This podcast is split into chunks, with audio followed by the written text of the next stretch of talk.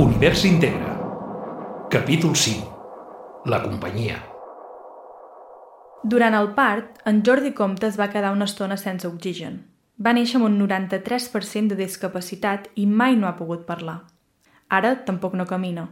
L'anem a veure a la residència Vora Riu, on s'està des que es va crear. Allà hi ha fet una segona família.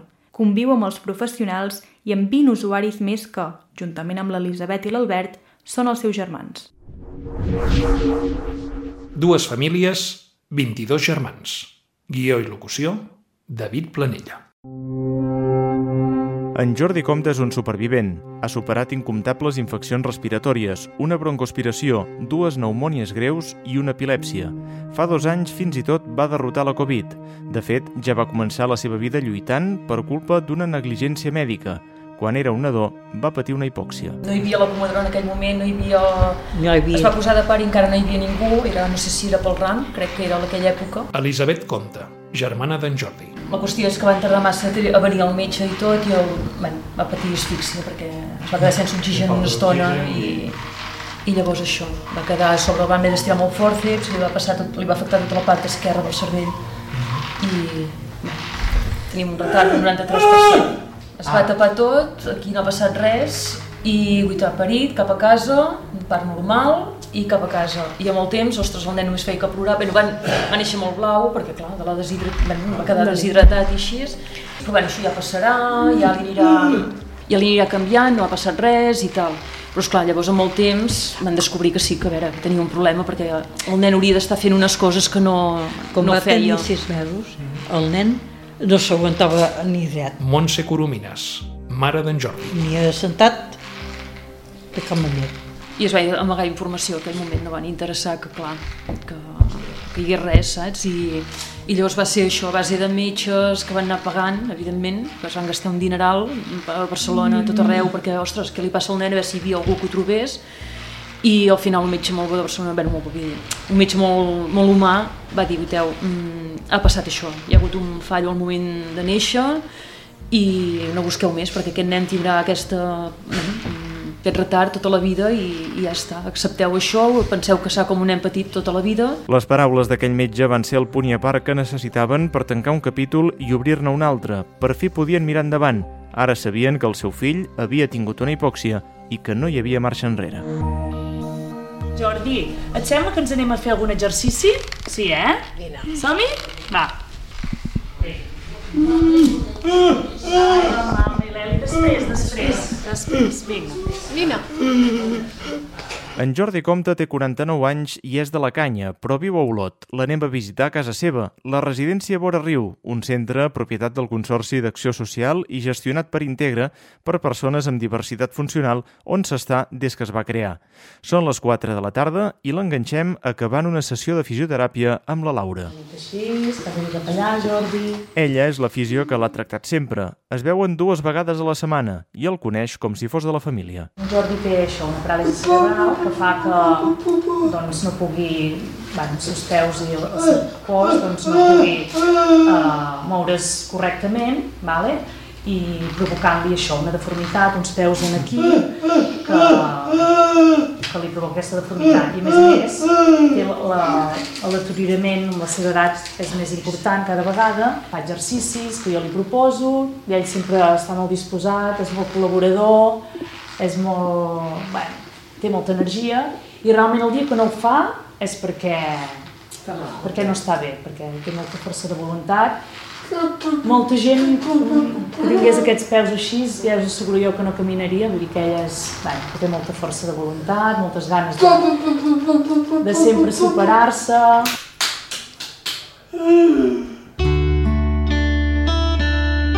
Som al menjador de la residència i avui en Jordi té molt de públic. L'han vingut a veure la seva mare i la seva germana Elisabet. Falta l'altre germà petit, l'Albert, que no ha pogut ser-hi per motius laborals. També ens acompanya la infermera i directora tècnica de la residència, Anna Comamala, i de tant en tant apareixen altres treballadors. Amb tanta gent, en Jordi està content i també més distret del compte. Li costa una mica concentrar-se i fer segons quins exercicis. i jo crec que ho entén tot. Ho entén tot. Que després mm, no vulgui o no, Col·labori o no és una altra cosa, però ell ho entén ell d'entendre ho perfectament entén tot. tot, eh? Sí. Eh, que no ho sap dir, segur que no. No pot dir-ho, però bueno, ell sí, sí, ho entén tot, perquè sí, sí. Ens asseiem a la taula i li posem un micròfon a davant. En Jordi fa uns sons molt característics i de sobte li sentim dir una paraula. El papa? El papa? Molt bé.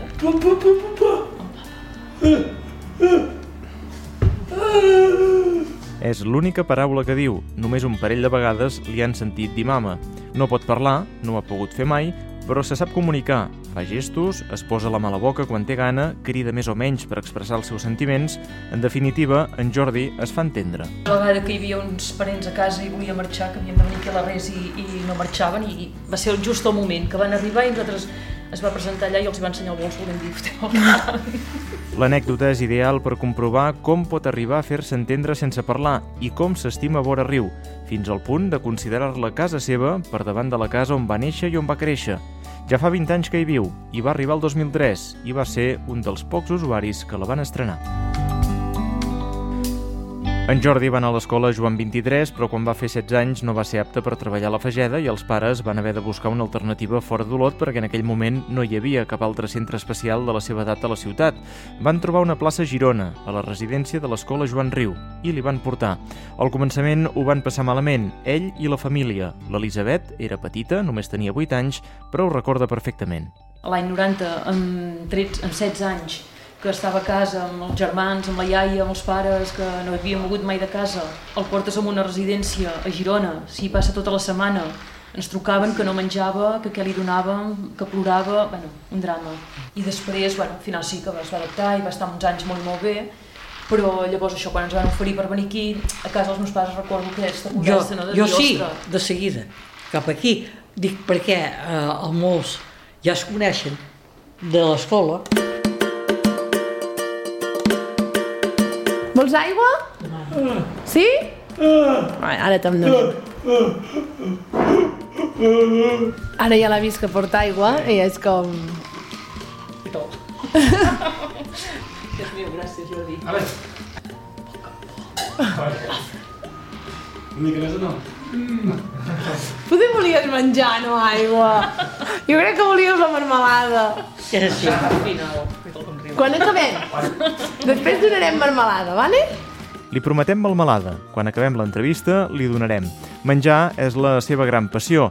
Una vegada, explica la seva mare, el van perdre i tothom estava desesperat. Un tes en Jordi, un tes ens, ens haurà anat. I tothom desesperat buscant-ho, el van trobar baix al magatzem, allà en tenen la, xe- la xocolata, la, la marmelada i galetes i vinga. El van trobar sentat a baix, tot, bueno, tot ple de natilla, bueno, fent una fiesta allà sentat i el tio menjant-se tota la natilla i tot. En Jordi gaudia mastegant i menjant, però aviat farà dos anys que no ho pot fer. Una maleïda broncoaspiració al març del 2022 li va canviar la vida. Bueno, tenia més qualitat de vida.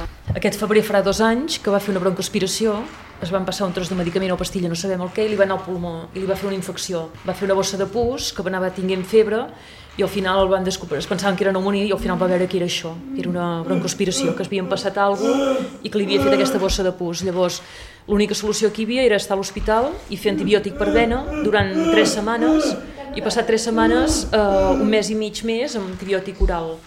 Si això aconseguíem disminuir tota la bossa de pus i fer, bueno, se'n sortia i bé, corríem el risc de que no, bueno, no sabíem veure què passaria. Clar, hi havia l'opció també d'anar a Girona, eh, operar-lo, treure-li, però esclar, amb el seu estat i tot no era gens aconsellable.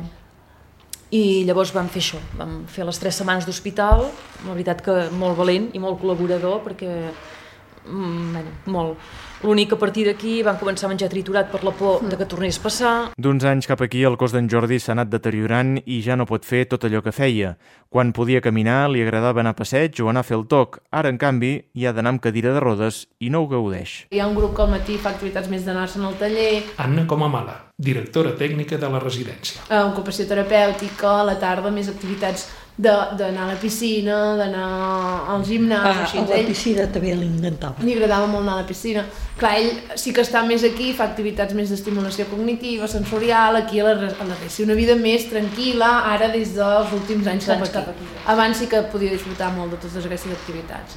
Però ara és cert que porta un ritme més tranquil, però bueno, dins de les seves necessitats, amb el suport que necessita, li, li donem una mica el que, el que ell vol i a vegades va fer algun passeig amb l'educador per aquí fora, van amb, amb la cadira, sí que quan marxem a caminar fora anem amb la cadira i també ho disfruta quan va a passejar. Mm. Però ha de tenir el dia perquè moltes vegades A vegades no, no vol. no vol anar amb la cadira.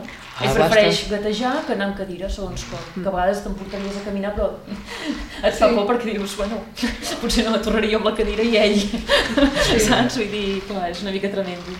L'únic que ha trobat a faltar això és la piscina. La piscina li encantava i me'n recordo al principi que m'explicaven que quan tocava piscina, clar, amb ell es queda aquí, s'aixeca una mica més tard, llavors aquell moment, i els altres marxaven i quan ells tot el grup marxava i es quedaven el grup d'aquí, llavors començaven més tranquils aquí.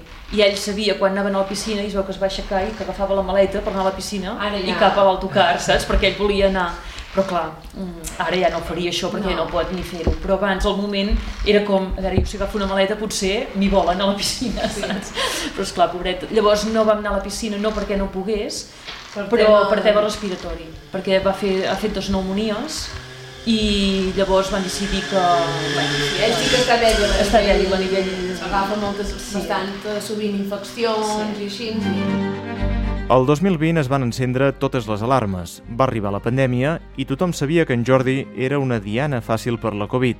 A finals de març, en ple confinament, la família va rebre una trucada de la residència Vora Riu. quan estàvem tots a casa confinats, mm, ell va tenir febre que en té sovint perquè moltes vegades és això, eh? se li fa moc i de, de, des que va tenir la broncoaspiració és terrible perquè no pot arrencar la moc li queden aquí davant i cada dos per tres eh? tenim això, una mica d'infecció i ja, ja tenim la febre. Però és que aquell moment no, aquell moment va tenir febre i bueno, alerta total doncs és Covid. Uh, el van aïllar, perquè és clar, era una residència el van aïllar en una habitació crec que era baix, no sé on era, sol o aquí al d'allò. Entrava una persona amb molts EPIs i tal, i va estar un cap de setmana o així. I llavors el dilluns, o no sé quan era, bueno, cap de res, de dos dies, eh, llavors això, em van trucar i ens van dir, ostres, mm, me sap greu, però en Jordi haurà de marxar. Eh, hem decidit que s'ha decidit des de fora que totes les residències de nanos disminuïts on hi hagi Covid eh, els traurem perquè, per sanejar, bueno, perquè no n'hi hagi més i hauran d'anar a Girona Joan Riu, que és un gran centre, unitat. i van fer una unitat que tots els de Girona que tinguin Covid podran anar allà. I ell va ser el primer que va inaugurar, per dir-ho així, la unitat aquesta. Sí. Se'l van emportar amb l'ambulància, imagina't amb l'EPI i tot, eh, un drama, no van poder-hi ni ser ni d'allò, ell, pobret, mig enganyat, cap a Girona, arribes a Girona, no coneixia ningú, només hi havia dos educadors que és els que se'n cuidaven, només estaven per ell, perquè esclar, estaven com un edifici aquí tots els altres aïllats, perquè esclar, era com, bueno, super, i al final fèiem una videotrucada cada dia, que llavors ja buscàvem com un ritual de que cap a les 5 a les 6 de la tarda fèiem el, la connexió, ens vèiem, que imagina't què et veus, no? Et veus per una pantalleta petita però no pots dir res, o pu pu pu, però vull dir que no, no pots, li deies quatre coses, però esclar, quina conversa hi tens? Llavors els educadors amb els EPIs que ni els coneixies, Van ser setmanes molt dures i encara més quan en Jordi es va desmaiar. va quedar com mort. I esclar, es van espantar, el van portar al trueta, ens van avisar i ens van tenir tot el diumenge allà, el trueta mirant a veure què, no li van trobar absolutament res. I llavors ens van donar l'alta, però bueno, aquells moments del Covid era terrible perquè vam haver d'esperar a les 4 de la tarda i ja sabíem que no tenia, no tenia res que res greu, vull dir que estava estable i d'allò, que ja podia tornar cap a la residència, però esclar, com que representa que encara no sabíem si era positiu o no, havíem d'esperar el test que li havien fet el dia abans, doncs ens van havíem d'esperar l'ambulància mm, especial, uh, bueno, havíem d'anar amb l'EPI, va ser terrible, ens vam haver d'estar allà, a les 11 de la nit el tornàvem a la residència. I, bueno, va estar allà i tenim els dubtes que acabés sent Covid. Va ser el primer com a Covid, però tenim els dubtes que fos Covid. Si va agafar la Covid o no, no ho sabran mai. El que és indiscutible és que en Jordi va haver de patir més del compte, però també va superar aquest entrebanc a la seva vida. La seva valentia no té límits i quan realment va patir coronavirus, per Nadal del 2021, també es va curar. La pandèmia no el va guanyar, però sí que li va trencar la rutina. Tant ell com tots els companys de la residència van haver d'esperar un any per poder tornar a casa. Quan tothom estava confinat, és com tothom està Tothom, confinat, sí. i és el que hi ha a la tele, mireu la tele, eh, tothom està confinat. Però després, després sí. sí que a nivell de residències, com que era com les residències de gent gran, vam tardar molt a sortir. Ara en Jordi torna a fer vida normal i cada dissabte va a casa dels pares. Una setmana li porta la germana i una altra el germà. S'ho van combinant. La mare, la Montse, ja és gran i el pare, en Ramon, va morir l'estiu passat. I més que de germans, l'Elisabet i l'Albert s'han acostumat a fer de pares. Jo, ella sempre diu que no vaig tenir infància, que el meu ninus ja era, ja era ell, i llavors vaig tenir el meu germà Oh, petit, i ell, clar, era petit, ella me el cuidava, i jo el que feia ell, jo també imitava, i jo cuidava amb en Jordi. I en Jordi, la veritat, que I- sempre m'ha tingut molt de...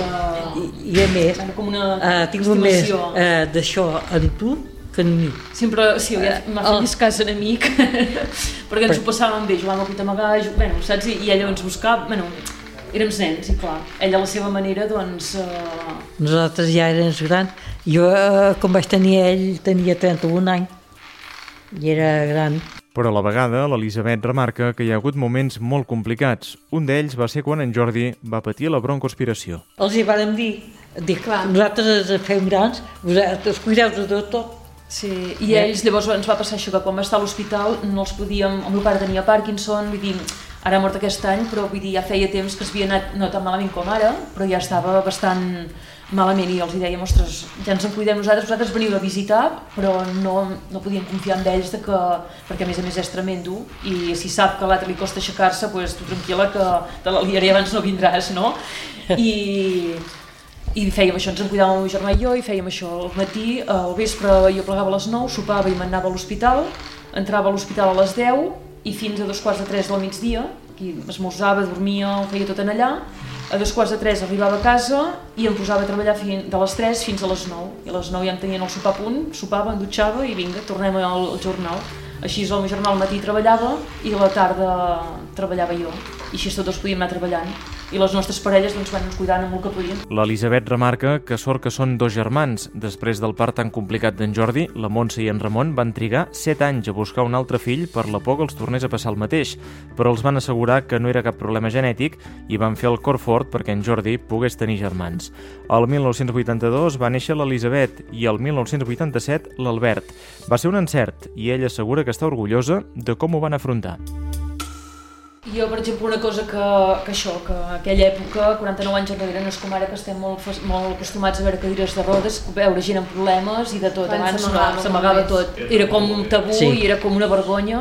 Sí. I a casa és una de les coses que els hi agraeixo, que ens van dir, guiteu, el vostre germà ha passat això, vergonya cap ni una, és un problema que tenim, l'hem d'afrontar i que res de vergonyir-vos a ell. Vull dir, en Jordi tot arreu i, bueno, mm, això, que ens vau ensenyar de Sí. que No, no, que no. no amagar-nos mai, que hi havia casos I- que els amagaven, els tancaven una habitació aquell temps i no els deixaven que la gent jo també, sapiguessin, saps? amb la gent que... trobava pel carrer, sí, eh, què fa? Eh, però que, al final ja tothom ho assumia. I bueno, clar, ell ha marcat molt la nostra vida, perquè clar, teníem un germà que, no sé, sempre m'explico la mateixa anècdota, però quan ets petit, que vas a festes d'altura, que la il·lusió d'anar a les atraccions i tot això, recordo això, no? De, va, aníem a fires, però la meva mare eh, se'ns emportava el meu germà i anàvem tots, amb el meu pare, tots, tots cinc, però li deia amb ella, guita, vosaltres feu, nosaltres anem, quan en Jordi es posi nerviós, me l'emportaré, anem a donar un vol i ens anirem cap al cotxe i així, perquè amb els estímuls de la, bueno, de les tòmboles i aquells crits que hi ha, l'agobiava amb ell. I ell una estona ja estava content de voltar, però quan s'agobiava marxaven de, bueno, de- d'allà les atraccions i s'anaven a un lloc més tranquil. Vull dir que ja van fer vida normal, però és clar, molt diferent. Vull dir, abans, abans tampoc anaves de restaurant, però no recordo anar de restaurant fins... Bueno, i sempre anaves a lloc d'anar a dinar o sopar, anaves a un berenar, a un lloc, a un restaurant que ja et coneixien, que tenien un, com un reservat perquè hi anaves sol i... Bueno, que, que ha marcat. Som al menjador de Vora Riu. Se'ns ha fet tard i parlant de berenar gairebé és hora de sopar. En Jordi reclama la melmelada que li hem promès i l'Anna li va buscar la cuina. De fons se sent xivarri. Entra un grup d'usuaris que tornen a la residència després de passar la tarda fora i un d'ells, en Pepe, s'ofereix voluntari per donar la melmelada a en Jordi. S'asseuen en una cadira i van fent a poc a poc. La Montse i l'Elisabet marxen a casa, però saben que la residència en Jordi hi té 20 germans més. És d'agrair i és molt maco veure com s'estimen entre ells, que és una família, perquè els que estan més bé, en Jordi Pobret ja ho veieu, és el que està pitjor. I algun cop que hem estat a l'hospital així, i quan tornem tots preocupats, tots ajudant, tens problemes perquè li volen posar el pijama a ells, vull dir, te'l cuiden com si fos, m'entens? I, I veus això, aquest amor que tenen entre ells, que és molt maco, que entre el seu moment del dia a dia, com tots els germans es deuen discutir, no? Però em refereixo que fan una unió i un d'allò molt maco, vull dir, són nanos que omplen molt i, i jo he après molt del meu germà, vull dir, ara molts últims anys que pobret està més malament, però l'agraït que és i, i en general vens aquí i veus que l'únic que volen és amor, vull dir, vens a buscar el teu germà al tornal i tots t'estan aquí esperant una abraçada, un petó, un... saps allò que veus que cadascú a la seva manera eh, tenen uns valors que ojalà els del carrer els tinguessin. Què vols explicar? Marxem, eh, Ets ja. feliç a la residència? Ets feliç, pica de mans si t'agrada estar a la residència. Sí? Vale. Et cuidem bé aquí a la residència? Si te cuiden bé, pica de mans, si no, no. Te cuiden bé? Univers Integra, un podcast de la comarca d'Olot amb motiu del número extraordinari i solidari de Nadal.